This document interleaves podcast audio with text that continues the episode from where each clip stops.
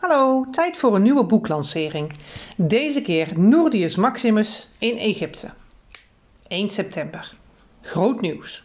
Onze glorieuze leider, Julius Caesar, reist volgende week naar Egypte en raadt eens wie er mee mag.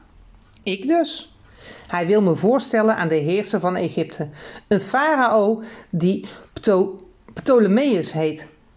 Je moet zijn naam uitspreken als Ptolemeus, want anders wordt hij blijkbaar kwaad. Klinkt nogal tyranniek, dat ventje, als je het mij vraagt. Ptolemeus en ik zijn even oud. Daarom denkt Caesar dat ik vrienden met hem kan worden. En hem ervan kan overtuigen dat hij een smakgeld kan terugbetalen dat hij van Rome heeft geleend. Moet lukken. Het is Caesar duidelijk opgevallen dat ik een grote Romeinse held ga worden en ik zal hem niet teleurstellen. Pa was trots op me toen ik het hem vertelde, maar Ma begreep er zoals gewoonlijk weer niets van. Dat zal een mooie vakantie voor je zijn, schat, zei ze. Vakantie? Dit is een belangrijke politieke missie. Geen ontspannend dagje uit naar de strijdwagenraces. Ik vroeg haar of ze bezorgd was over wat er met me zou gebeuren. Ze zei dat ze het aan haar heilige kippen zou vragen. Ma is helemaal doorgedraaid met die kippen. Ze voert ze graan en vraagt ze naar de toekomst. Als ze het graan opeten, komt alles goed, maar als ze weigeren, is dat een voorteken van vreselijke gebeurtenissen. Vandaag aten de kippen hun graan op, dus ze denkt dat alles goed zal gaan tijdens mijn reis. Het is een idiote manier om je leven te leiden, maar mij hoor je niet klagen. Als ik een moeder had die bij haar volle verstand was en rationele beslissingen nam, zou ik waarschijnlijk niet eens mee mogen. 2 september. Ik vertelde mijn zogenaamde vriend Cornelius over mijn reis. Hij was stik jaloers en hij zei dat de zee vol fantasiërs zat. Vuurspugende monsters die schepen vernielen. Ik wist wel dat hij het verzon, maar ik vroeg het toch maar voor de zekerheid even aan pa toen ik thuis kwam. Pa zei dat de boot alleen zou zinken als ze mij de leiding gaven. Misschien is hij ook jaloers. 3 september. Nou, dit is echt niet leuk. Ik vroeg pa of ik Linos, onze beste slaaf, mee mocht nemen en hij zei nee. Hij zei dat het te moeilijk was om Linos te vervangen als hij dood zou gaan. Alsof hij zich daar nog druk om zou hoeven te maken als zijn eigen zoon ook dood was. Pa zei dat ik Odius wel mee mocht nemen, omdat hij veel minder waard was. Natuurlijk is hij minder waard, hij voert nooit iets uit. Hij sluipt alleen maar rond om eten te stelen en boeren te laten. Ik denk dat ik hem wel als vlot zou kunnen gebruiken als het schip zinkt, maar meer ook niet. Tot zover Noordius Maximus in Egypte. Daar ben ik weer met een nieuwe boeklancering. Deze keer de kleinste bankoverval ter wereld. Hoofdstuk 1. Die lastige muggen. Het irritantste geluid ter wereld als je in bed ligt en probeert te slapen. Je doet de leeslamp aan, maar er is geen mug te zien. Het is doodstil. Waar is ze gebleven? Of was het toch gewoon je verbeelding? Je doet het licht weer uit en dan hoor je het opnieuw, dichterbij deze keer. De volgende ochtend word je wakker met een heleboel rode bulten die verschrikkelijk jeuken. Er was dus toch een mug. Wat een irritante rotbeesten, denk je waarschijnlijk. Maar misschien zijn muggen niet zo verschrikkelijk als je denkt. Misschien helpt het als je iets meer over ons zou weten. Heb je bijvoorbeeld wel eens afgevraagd waarom muggen je bloed willen hebben? Nee, dat hebben ze nodig om eitjes te kunnen leggen. Een mug die geen bloed heeft gedronken, kan maar tot 2 tot 3 eitjes leggen. Een mug die wel bloed heeft gedronken, kan meer dan 100 eitjes leggen. Willen muggen dan zoveel kinderen? Kunnen ze niet beter maar een paar kinderen krijgen, zodat ze er beter voor kunnen zorgen? Het probleem is dat het heel, heel gevaarlijk is om een mug te zijn. Er zijn ontzettend veel muggen die het niet overleven. Je moet heel hard werken als je een mug bent. Tenminste, dat geldt voor de vrouwtjesmuggen, want alleen zij zuigen je bloed op. Inderdaad, terwijl de mannetjes thuis op het huis passen, gaan de vrouwtjes naar hun werk. Nu weet ik wat je denkt. Als alleen de vrouwtjesmuggen bloed opzuigen, wat doen de mannetjesmuggen dan? Het antwoord is: niet zoveel. Zie je die mug met een bril? Hij heet Mozze. Hij is de oudste en verstandigste mug die ik ken. Er wordt gezegd dat hij vijf hele weken oud is, maar ik weet niet of ik dat geloof. Is het mogelijk om zo oud te worden? En zie je die lange mug bij het biljart? Dat is mijn beste vriendin Larve Linne. Ze valt flauw als ze bloed ziet en daarom blijft ze bij de mannetjes. Ze is zo kleinzerig als een larve, vandaar haar bijnaam. Maar verder is ze heel leuk. En ik? Ik ben die stoere mug onderaan de rechterhoek. Ik word 93 genoemd. Niet bepaald een bijzondere naam, ik weet het. Maar als je 113 broertjes en zusje hebt, is het gewoon makkelijker om getallen te gebruiken. We wonen in een holle boomstam midden in het bos. Er is, het is er vochtig en schemerig, precies zoals wij, muggen, prettig vinden. Hij is klaar, roept Mosse. We verzamelen ons nieuwsgierig rond zijn nieuwe uitvinding, een doorzichtige container net aan de bovenkant van een buis. Wat is het? vraag ik. Dit is een nectarzuiger, legt Mosse trots uit. En wat doe je ermee? vraagt Larvelinne. Mosse glimlacht bij de hand. Dat zal ik je laten zien. Hij duwt een hefboom naar beneden en de lange buis kronkelt door een gat in de boomschors naar buiten. Even later druppelt er heerlijke bloemennectar in de container. Mannetjesmuggen vinden nectar het allerlekkerste wat er bestaat. Mosse, je bent een genie. Nu hoeven we ons huis niet meer uit om eten te zoeken. We eten, onze buiken, we eten tot onze buiken bol staan van de nectar. Ik probeer naar de bank te vliegen, maar mijn lichaam komt niet meer van de grond. Ik heb zoveel gegeten. In plaats daarvan waggel ik er naartoe en zak ik weg in de zachte kussens. Ah, het leven is zo mooi, zucht ik. Zo is het maar net, 93, zegt Larveline. Ik snap niets van muggen die net zo lang rondvliegen tot ze uitgeput zijn. Het leven is maar kort. Je moet ontspannen en genieten van de weinige dagen die je hebt, vind ik. Het gezoem komt dichterbij en klinkt bekend. Alle muggen hebben namelijk hun eigen lied. Ons heel eigen geluid dat we maken als we vliegen. Zo herkennen we elkaar van een afstand. Slim, nietwaar? Luister, de meiden zijn onderweg naar huis, zeg ik. Ik vraag me af hoe hun dag is geweest. Het is weer tijd voor een nieuwe boeklancering. Deze keer in de greep van de vijand. Hoofdstuk 1. Kijk, daar woont hij. Lars staat stil en wijst naar een oud huis tussen de hoge struiken. Ze zeggen dat hij er heel eng uitziet, fluistert zijn zusje Olga. Lars moet lachen. Eng? Hij wil niet laten merken dat hij zelf ook ongerust is. Het is hier zo eenzaam, net alsof je aan het einde van de wereld bent. Heb jij hem wel eens gezien? vraagt Olga. Een paar keer, als hij boodschappen deed in het dorp. Ze noemen hem de buizerd. En was hij eng? Net een grotbewoner, maar kom mee. We gaan elkaar niet bang maken.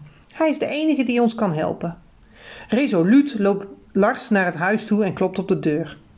Olga volgt hem op een afstandje. Na het geklop klinkt er binnen gestommel. Ze horen zware voetstappen, maar de deur blijft gesloten. Als Lars nog een keer geklopt heeft, vliegt de deur met een zwaai open. In de opening staat een grote man met een wilde baard. Wat moeten jullie? We willen u iets vragen, zegt Lars. Zijn jullie verdwaald? Nee, we moeten echt bij u zijn. Is het waar dat u bootjes verkoopt? De man kijkt Lars aan, maar geeft geen antwoord. Ik hoorde dat u wel eens een bootje verkoopt. Een jol of zo, hakkelt Lars. De man draait zich plotseling om en wenkt hen mee naar binnen. Olga en Lars volgen hem. Hij loopt voor hen uit naar een zijdeur die uitkomt op een werkplaats. Er ligt daar een rijtje kleine jachten. Het zijn oude boten die de buizerd aan het opknappen is. Nou, kijk maar eens. Misschien is er iets bij, mompelt Lars. Zijn ze zeewaardig? Man, je kunt er de oceaan mee over. Wat denk jij ervan, Olga? Aarzelend kijkt Olga naar de oude boten. Kom eerst maar eens mee naar het huis, zegt de man. Hij gaat de kamer in en schuift twee wrakkenstoelen achteruit. Nu wil ik ook wel eens weten wie jullie zijn, zegt hij, terwijl hij zelf ook gaat zitten. Lars kijkt rond in het rommelige huis. Hij voelt zich niet erg op, op zijn gemak. Er hangt een rare geur en er liggen gebroken flessen op de grond. Olga staart met angstige ogen naar de man. De buizerd merkt het en probeert vriendelijk te kijken. Ik, ik, ik ben Lars Halmstad, begint Lars, en dit is mijn zusje Olga. Wonen jullie hier in de buurt? In het dorp. We logeren bij onze opa en oma. Mijn opa is Hans Jensen, de schoenmaker. Lars ziet de ogen van de buizerd oplichten. Hans Jensen, die was een vriend van me. Hij heeft een half jaar geleden ook een boot bij me gekocht. Een motorboot waar je wel met acht man in kon. Daar weten we niks van, zegt Olga. Nee, dat zal wel niet, zegt de buizer met een glimlach. Zoiets hing hij niet aan de grote klok. Maar de mensen die hier in de buurt weten wel waarvoor hij hem gebruikte. Wat deed hij ermee dan? vraagt Lars verbaasd. De buizerd leunt naar voren en dempt zijn stem. Ze weten hier allemaal wel dat hij er Joden mee naar Zweden smokkelde. Als de Duitsers hem gesnapt zouden hebben, zat hij nu nog steeds achter de tralies. Is dat echt waar? vraagt Olga. Hij heeft er nog nooit iets over gezegd. De man schudt zijn hoofd. Nee, logisch. Daar wordt je natuurlijk niet over gepraat. Hij kijkt hen één voor één aan. Maar ik zou zo langzamerhand wel willen weten waar jullie een bootje voor nodig hebben. Lars slaakt een diepe zucht. Wij wonen eigenlijk aan de overkant van de zee, in Zweden. We logeerden een jaar geleden bij onze opa en oma hier in Denemarken toen de Duitsers binnenvielen. Daarna konden we niet meer terug. En nee, dat gaat niet zo gemakkelijk, zegt de buizerd. En daarvoor moesten we al die tijd hier blijven, zegt Olga. Ja, vult Lars aan. We zijn al een heel schooljaar achter en het ergste is dat we onze ouders niet meer zien. En nu willen jullie met zo'n zeilbootje? vraagt de buizerd. Lars knikt. Het is maar een klein stukje varen naar de overkant en dan zijn we terug in Zweden. Ze zeggen hooguit drie uur. En vinden jullie opa en oma dat goed? Lars aarzelt even, maar hij wil er niet om liegen en zegt eerlijk: We hebben daar niks over verteld. We willen stilletjes gaan. De man fronst zijn wenkbrauwen. Jullie kunnen, toch wel, jullie kunnen het toch wel tegen ze zeggen? Ze zijn al een tijd in Kopenhagen. Onze oma ligt in het ziekenhuis en opa logeert bij kennissen.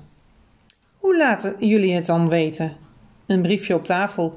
We schrijven ze eerlijk dat we terug willen naar huis. Ik snap het wel. Maar of zij het ook snappen? Ze weten dat we voorzichtig zijn. Maar heb je wel een beetje verstand van zeilen? vraagt de buizerd aan Lars. Genoeg. Ik heb een paar prijzen gewonnen met zeezeilen. Tot zover. In de greep van de vijand. Hallo, het is weer tijd voor een nieuwe boeklancering. Deze keer uit de serie Boy, boeken over jongens, de Olympische Spelen. Max, Milan en Makoto in actie. 1. Er klopt iets niet. Doe dan iets, brulde Max. Hij sprong op van zijn stoel alsof hij ineens voelde dat hij op een nest schorpioenen zat. Als Teti hem niet bij zijn jas gegrepen had, zou hij van de tribune naar beneden zijn gestort. Max merkte het niet eens. Doe iets, riep hij naar Makoto, die over het ijs glibberde als een walrus op een skateboard. Makoto's tegenstander schaatste zwierige rondjes om hem heen met een blije lach op zijn bleke gezicht. De jongen maakte geen haast. Hij leek er zeker van te zijn dat hij de wedstrijd zou winnen, terwijl Makoto alle voorgaande tegenstanders had verslagen. Met gemak. Stil maar, mompelde Teti en hij trok Max terug op zijn stoel. Komt allemaal goed. Aan Teti's andere zijde keek Milan met een onzeker lachje op van zijn tablet. Hij keek zoals altijd liever naar zijn scherm. Daarop was de wedstrijd live van veel dichterbij te volgen en je kon alles meteen twitteren en op je hive zetten. Hij had bovendien een handig appje gedownload waarmee hij zelf kon kiezen welke camera je naar de wedstrijd keek. Zuchtend en steunend keek Max toe. Eigenlijk zag, zagen die twee er op het ijs heel gek uit, bedacht hij toen. Ze stonden op schaatsen, maar droegen verder alleen maar zo'n wit broekje dat nog het meest op een dikke luier leek. Makoto was bovendien nogal fors, zoals bijna alle sumo-worstelaars. Gek eigenlijk, die tegenstander van hem lijkt helemaal niet zwaar. Zou Makoto hem met één klein duwtje moeten kunnen vloeren? Nou ja, bedacht Max, hij had nu helemaal geen verstand van sumo op zijn schaats. Want dat was een sport waarin Makoto uitkwam op deze Olympische Winterspelen. Eén ding wist Max wel: hij vond het maar een rare sport. Zelf deed hij mee aan freerun op het ijsparcours en dat was helemaal te gek. Maar ach, er waren nog veel vreemdere sporten dan de Olympische Spelen, zoals bobslee schanspringen, waarbij parachutes zijn toegestaan.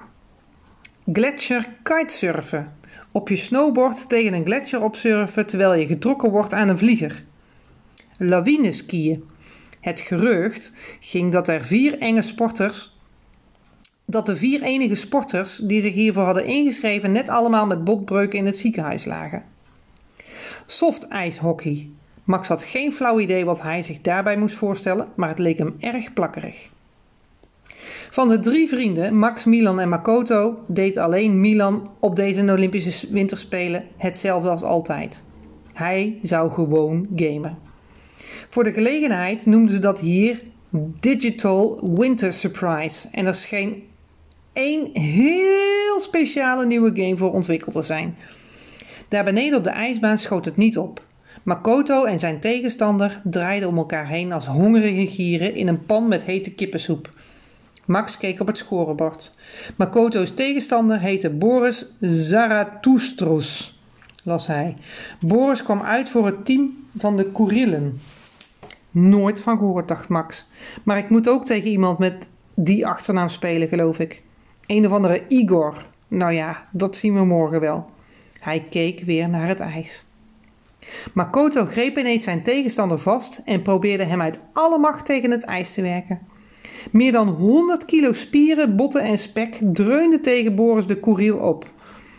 Ieder ander zou gevloerd zijn, want Makoto was goed. Heel goed. En die Boris was echt veel kleiner en lichter dan hij. Bovendien had Makoto eindeloos geoefend om op schaatsen net zo stevig te staan als wanneer hij vaste grond onder zijn voeten had. Een onwrikbare dus. Als een naalpaard dat tot zijn oren in de modder staat. Tot zover de Olympische Spelen. Max, Milan en Makoto in actie.